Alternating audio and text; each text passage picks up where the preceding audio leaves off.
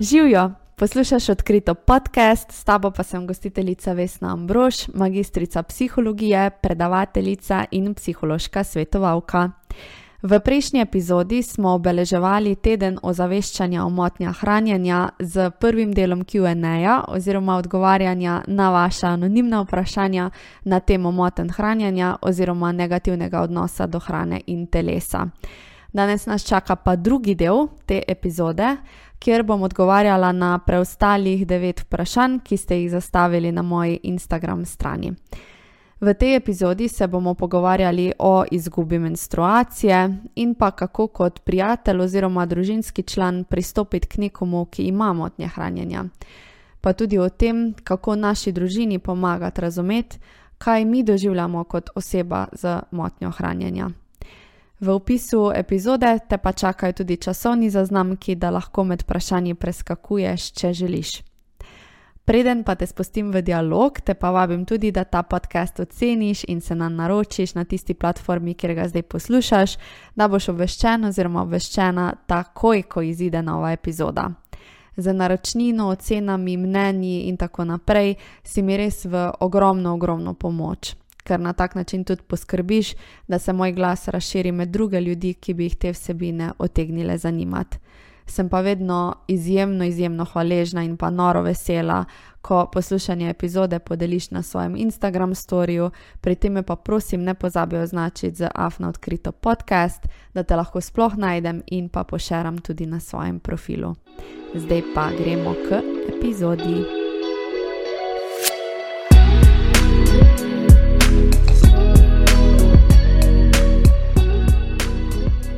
Dobro, šesto vprašanje je, eh, kako si povrniti menstruacijo. Imam normalen ITM, ampak po prenehanju kontracepcije že pet mesecev nimam menstruacije. Jaz bi tukaj rekla, jaz nisem pravi naslov za to vprašanje, um, tako da tukaj uh, poseže po pomoči za strani ginekologov, a ne tam se lahko najaviš, pa vprašaš uh, in vidiš tudi, kaj bi lahko bil razlog za to, da ti izostaja menstruacija. Vkolikor si imela tudi motnjo hranjenja, je seveda velika možnost, da je tukaj tudi to zraven povezano. Veliko krat z tem, ko mi dobimo oziroma si povrnemo telesno težo nazaj v neki uh, ustrezen oziroma zdrav rang, uh, takrat potem tudi zopet pridobimo menstruacijo, počasi, če pa ne, pa tukaj uh, zelo priporočljivo tudi, da se opremo na te uh, strokovnjake.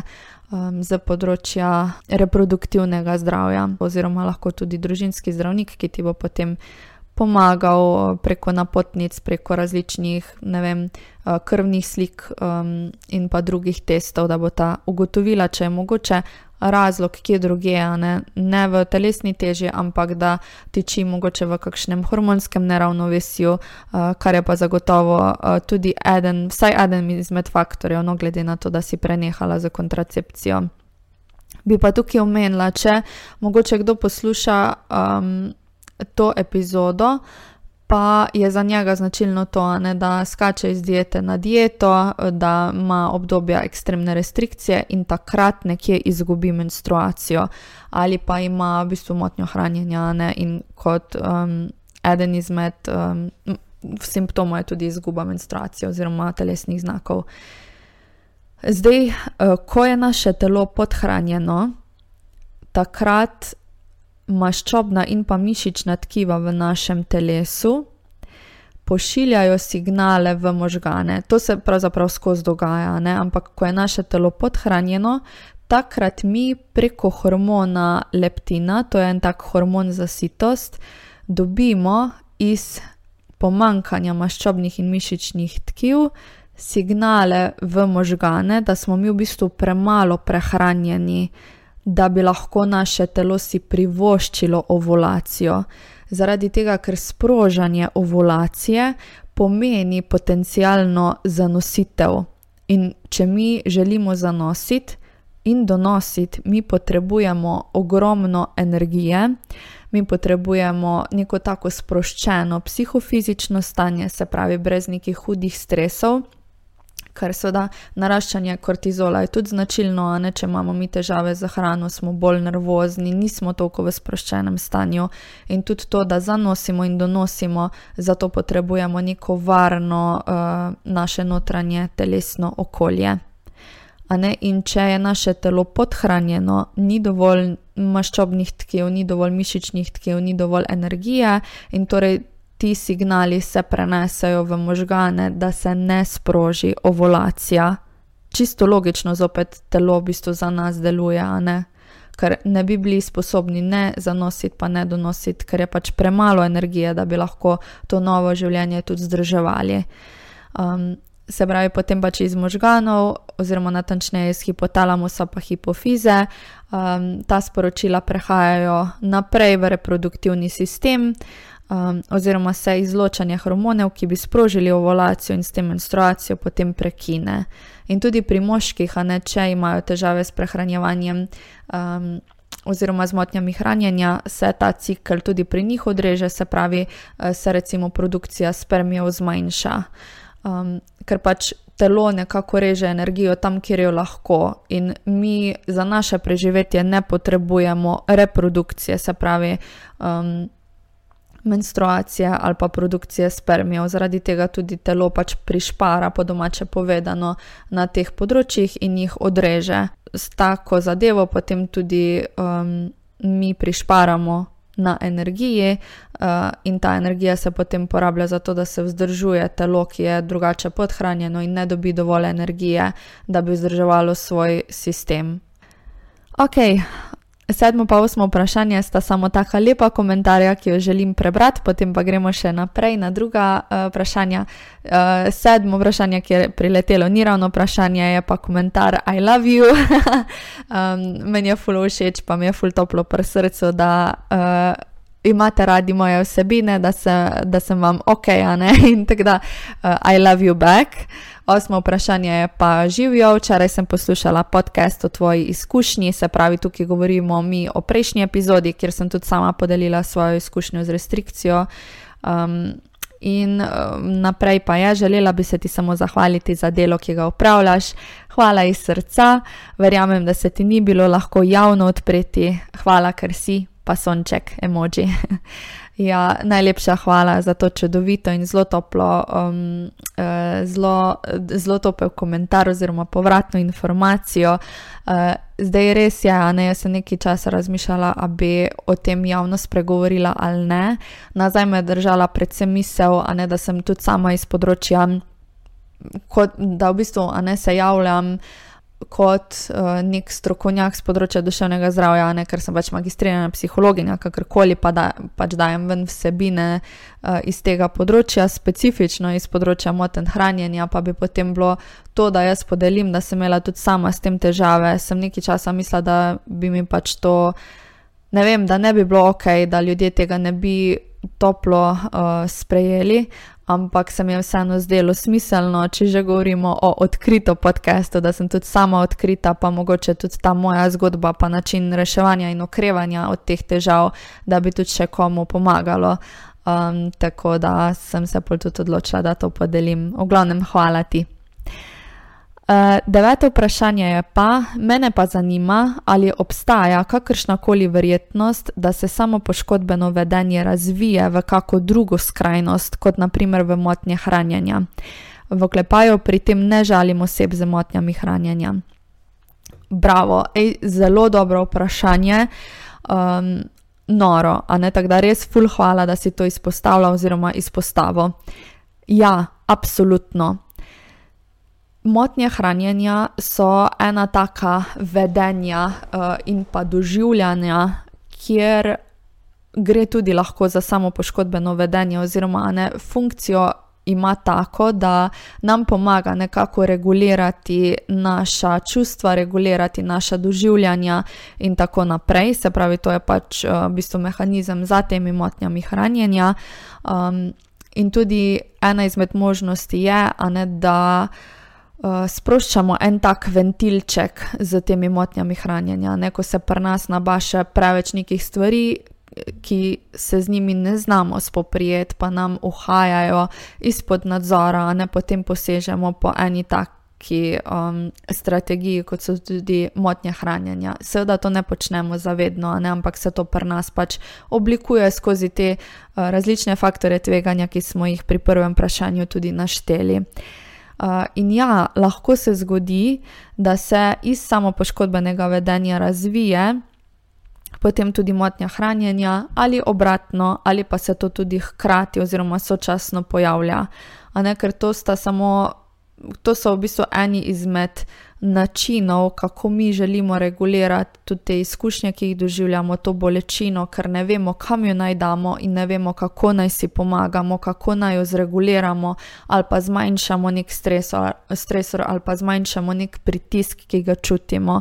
In če ne znamo to na drugačen način zregulirati, oziroma ne zmoremo ali kakorkoli, uh, se potem lahko razvije samo poškodbeno vedenje ali pa se razvije recimo uh, motnja hranjenja, ki lahko tudi deluje kot ena taka strategija, da se mi spoprijemamo z življenjem, ker se na drugačen način ne zmoremo. Um, ampak nam to motnje hranjenja nam pa dajo en tak občutek, da smo pa lahko vsaj v tem uspešni, ali pa da smo lahko vsaj v tem v nadzoru, ali pa vsaj v tem v neki kontroli. In potem vse to, a ne preide v eno tako uh, avtomatizirano navado, da vedno, ko se pojavi hrana, rečemo ne, ali pa da vedno, ko se pojavi en tip hrane, rečemo ne, ali pa da smo potem obsedeni za telovadbo. In to se potem samo krepi, ker se potem tudi v naših možganjih pojavljajo eni taki nagrajevalni sistemi. Če mi recimo ne jemo, zaradi tega, ker želimo zmanjšati naše kilograme, in potem res pride do tega, da shujšamo, pa potem nam še kdo da kakšen pozitiven komentar, in tudi sami vidimo, da smo v tem uspešni in da smo to pa lahko dosegli, a ne ta cilj smo pa lahko dosegli. Potem se tu pri nas postavi ena taka povezava, da smo nagrajeni, sprostijo se v bistvu dejansko hormoni sreče, a ne dopamin, serotonin. Mi doživimo tako rekoč uspeh, to nam je uspelo.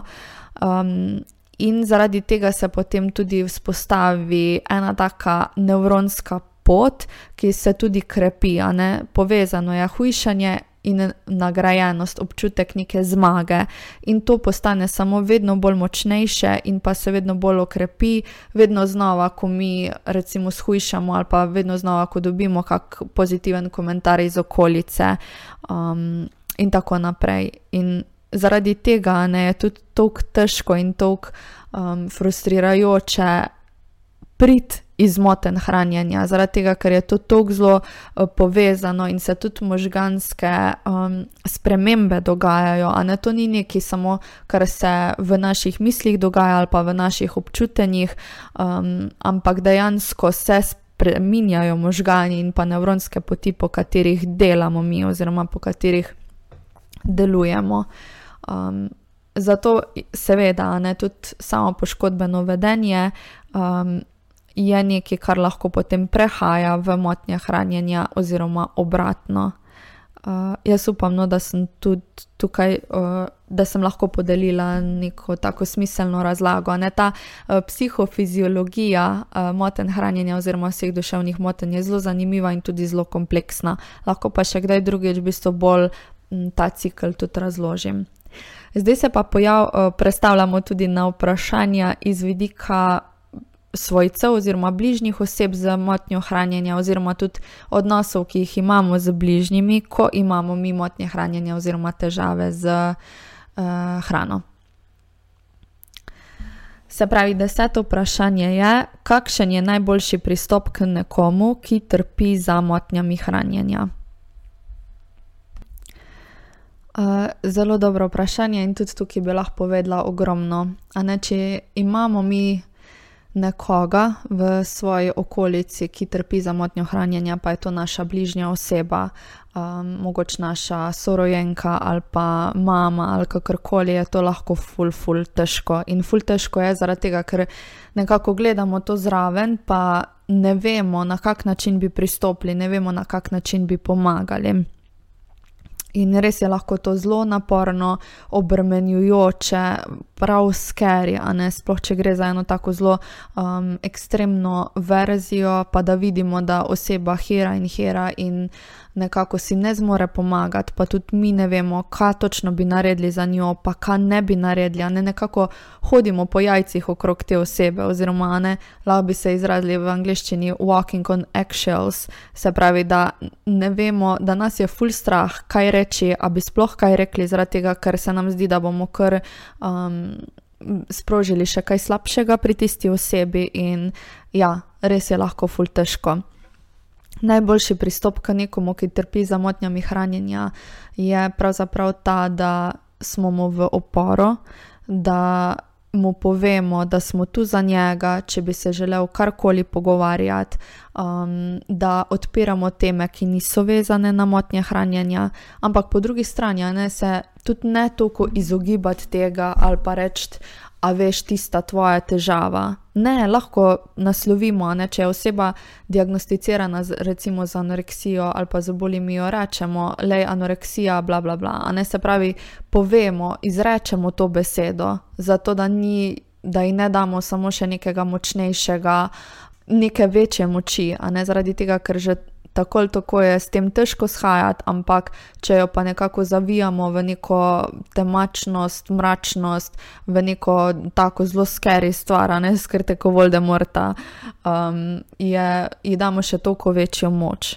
Zato pa je tudi prav, da se o tem pogovarjamo, ampak je pa res, da osebi veliko bolj, bi rekla, temu uh, koristi to, da se pogovarjamo tudi o drugih rečeh z njo, da jo vprašamo, kako je, kako se počutiš, um, a ti karkoli pomagam, če karkoli potrebuješ, um, mi povej, o čem bi se rada pogovarjala, um, a ne take stvari, na tak način. Uh, tu sem zate.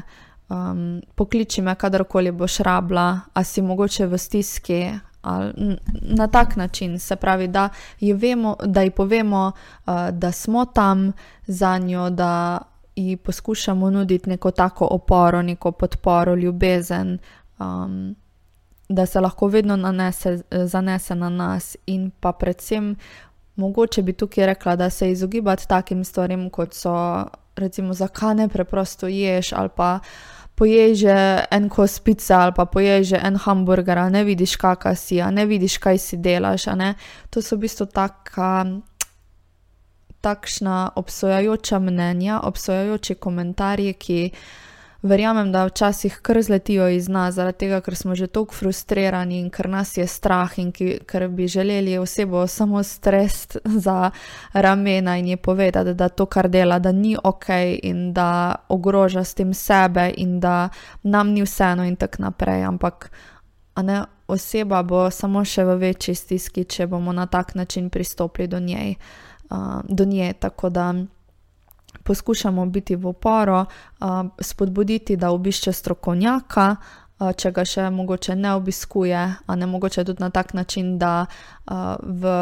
S tem, da ona dovoli, da recimo tudi mi pokličemo kakšnega strokovnjaka, pa se dogovorimo za obravnavo, za srečanje.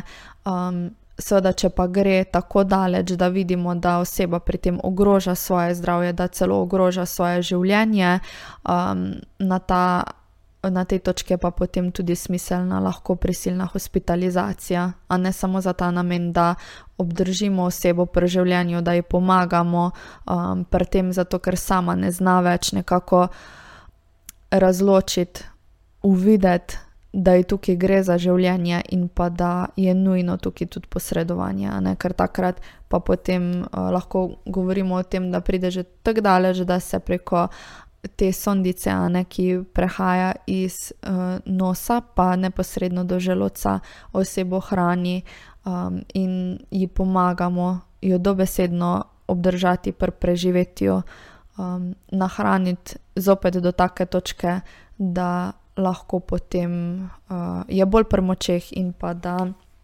se lahko tudi loti kakšne psihoterapevtske obravnave za tem. Um,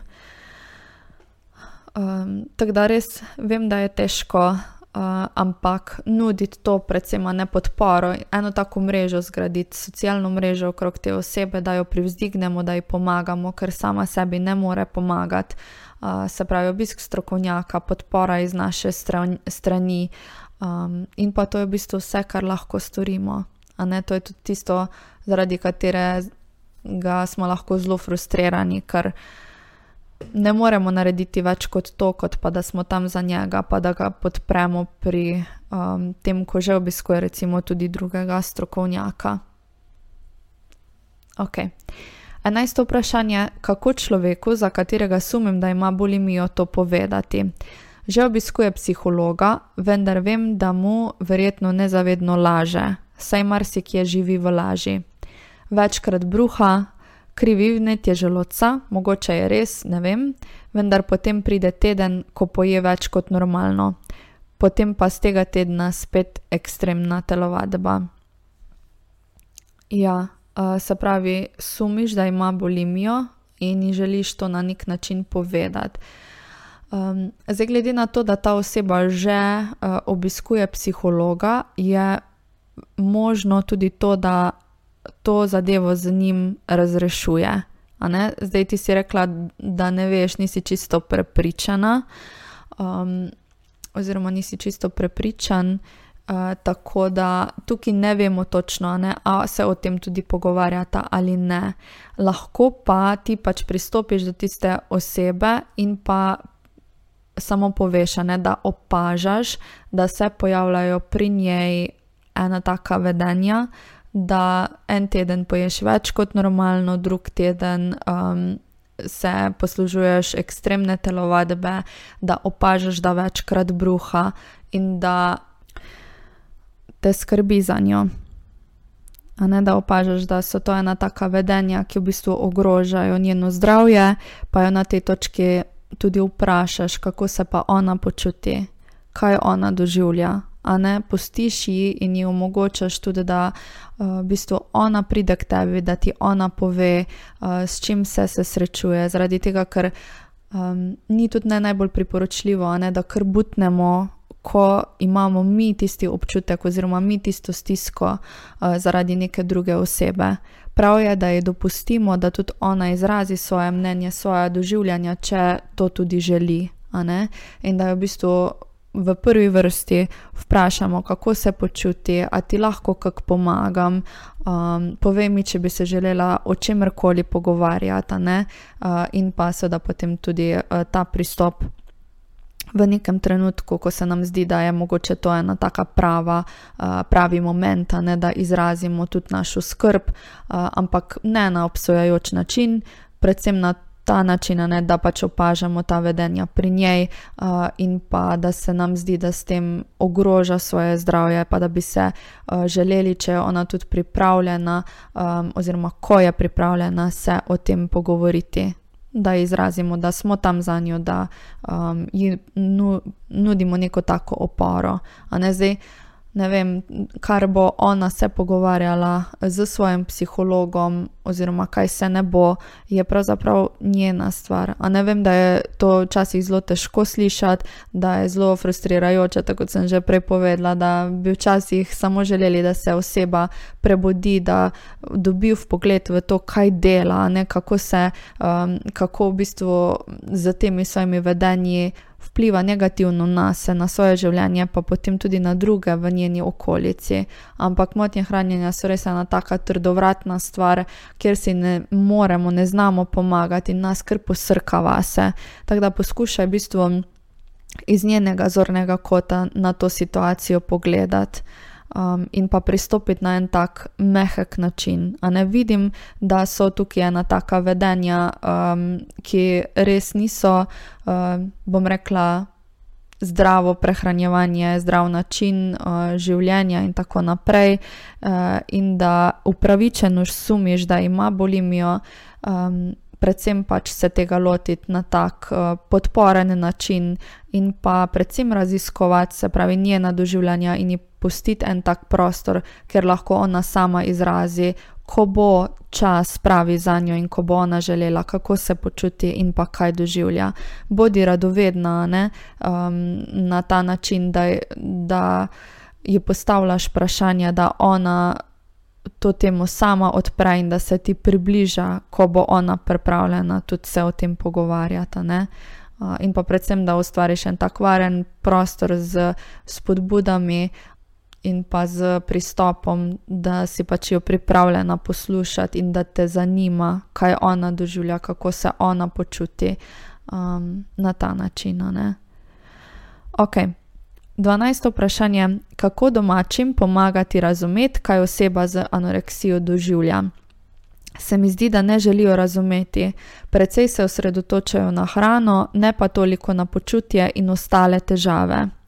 Ja, a ne, tu se v bistvu zelo dobro tudi navezuje na to prejšnjo vprašanje.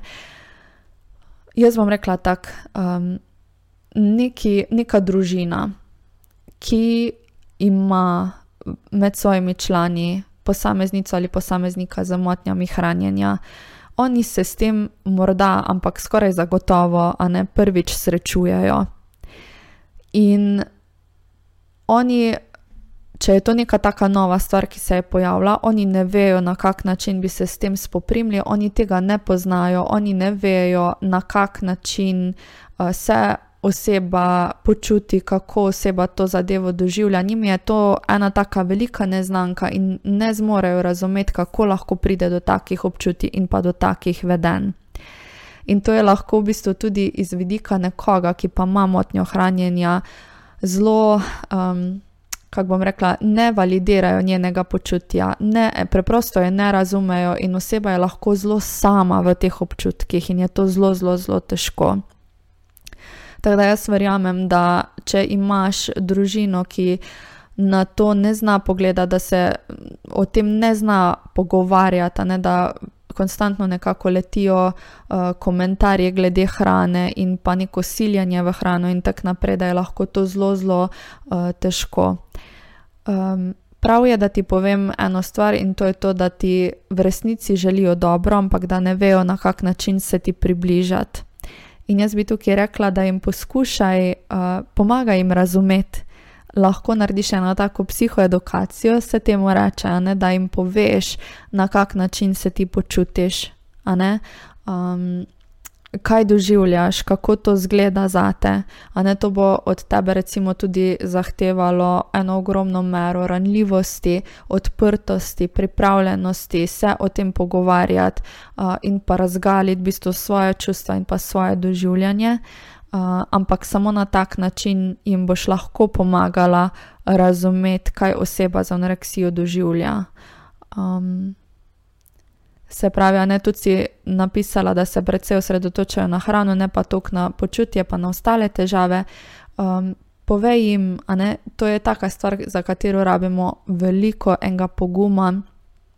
Ampak, če bi lahko recimo storili to, da bi povedali, um, a veš, takrat, ko mi konstantno govoriš o hrani, Um, in ko me konstantno sprašuješ, kaj sem jedla, ali pa me obtužuješ, da nečesa nisem pojedla, ali pa zahtevaš, da pojem še kaj več, me to res prizadene in mi daje en tak občutek nekega pritiska in občutek nekega siljanja za hrano.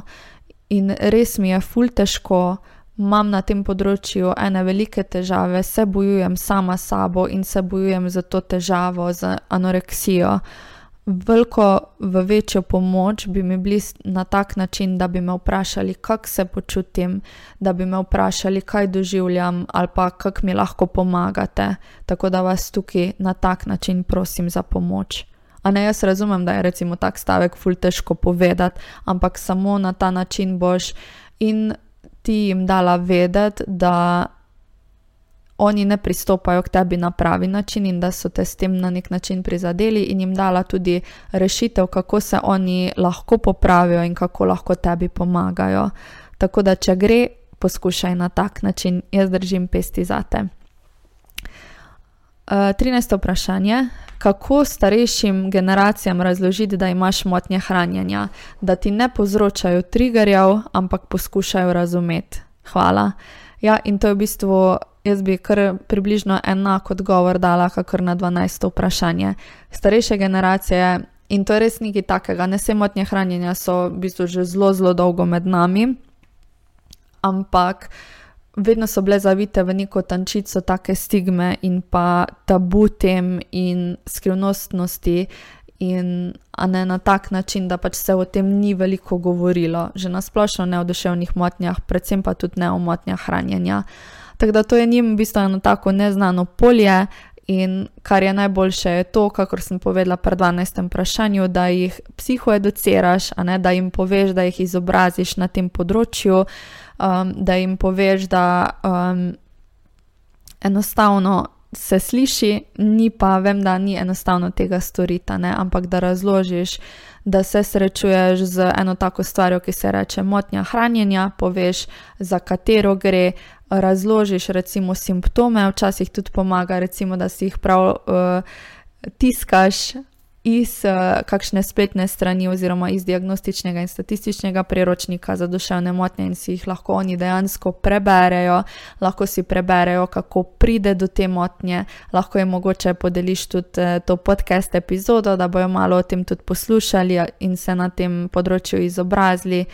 In da bojo potem oni tudi vedeli, na kak način do tebe pristopiti um, da ti ne vse čas omenjajo hrane, te obsojajo glede hrane, ampak da lahko dejansko razumejo, da je to ena taka trdovratna stvar uh, in da ti lahko najbolje priskočijo na ta način, da te vprašajo po tvojem počutju, da se pogovarjate tudi o drugih stvarih, ne samo o uh, težavah s hrano, ampak tudi v bistvu, kaj si želiš početi v življenju um, in pa da se osredotočate v bistvu. Uh, vsak dan posebej, pač korak po koraku. Uh, tako da preposlušaj tudi moj odgovor na 12. vprašanje, tam je malo bolj podrobno bilo razloženo, uh, kako konkretno ta stavek povedati. tako da upam, da boš tudi tam našla en svoj odgovor. 14. vprašanje in s tem zadnje vprašanje. V preteklosti sem imela bulimijo. Ali naj to povem staršem ali ohranim skrivnost? Uh, zdaj tukaj pa je taka stvar, da nimam konkretnega nasveta za te.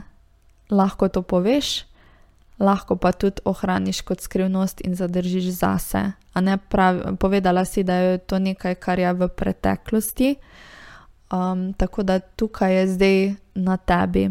A si želiš o teh svojih doživljanjih, ki si jih imela, o teh izzivih, s katerimi si se soočala, a bi želela to temo odpreti za starši. Um, včasih je težko nekaj ustno povedati, in recimo pomaga to, da raje napišemo pismo ali pa da napišemo mail ali kakorkoli, ne, da to nekako pisno izrazimo.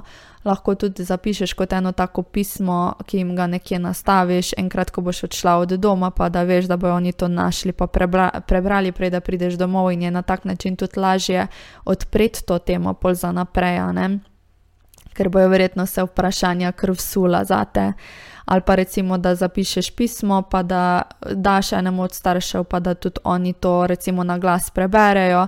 Um, a ne na ta način veliko lažje neke stvari izrazimo, kot pa da bi jih mogli načeti čistek. Um, Da bi mogli nekaj povedati, ne? to je res ena tako težka stvar.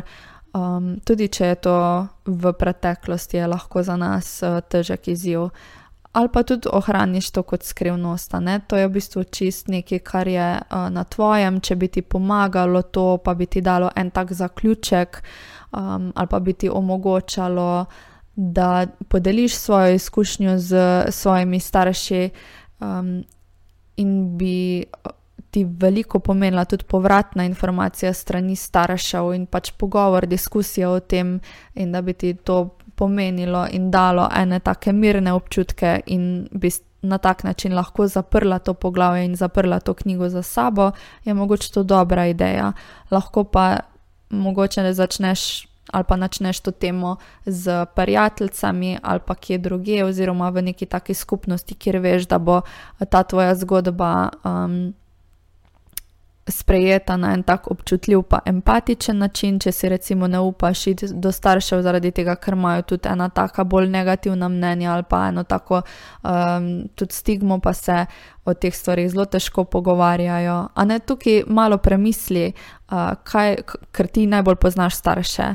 kako misliš, da bojo starši reagirali, kak način bi bil najboljši tudi za te, če, te, če si recimo nervozna, o tem njih, njim sporočiti, ali pa da bi recimo se lažje odprla prej komu drugemu, ali pa sploh ne staršem in samo nekomu drugemu. A ne tukaj je res eno tako področje, ki ga moraš sama raziskati, videti, kaj je tebi udobno in se potem tudi na tak način odločiti. Ni pa pravilnega odgovora. No? Um, kar boš ti začutila, tisto bo pa prav. Tako da to je to, prišli smo skozi vseh 14 vprašanj, proti koncu se mi je še bolj začelo zatikati kot na začetku, ker ne, se mi zdi, da imam toliko misli, mi kar divjajo in bi rada vse naenkrat povedala, pa potem ne morem. Uh, Tako da jaz upam, da ste uživali, da je vsak našel nek drobec modrosti zase. Um, najlepša hvala vsem, ki ste zastavili svoja uh, anonimna vprašanja. Um, upam, da boste imeli lep dan, uh, lep ponedeljek, oziroma kadarkoli že to poslušaš, um, in pa da se slišimo tudi naslednjič. Lepo bodi, čau, čau!